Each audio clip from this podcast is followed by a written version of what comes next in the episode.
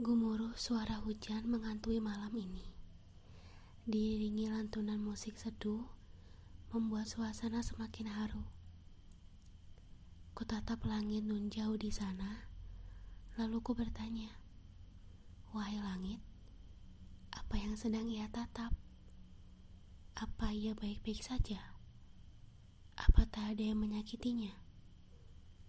Rasanya dada ini seperti dihatam keras rintihan pelan, dan tetesan air mata datang bersamaan. Semua terasa sudah ditakdirkan.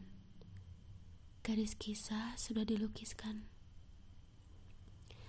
Lalu aku kembali menatap langit dan bertanya, "Wahai langit, akankah ini berakhir? Apa yang harus aku lakukan?" Ini semua terlampau begitu jauh, bukan?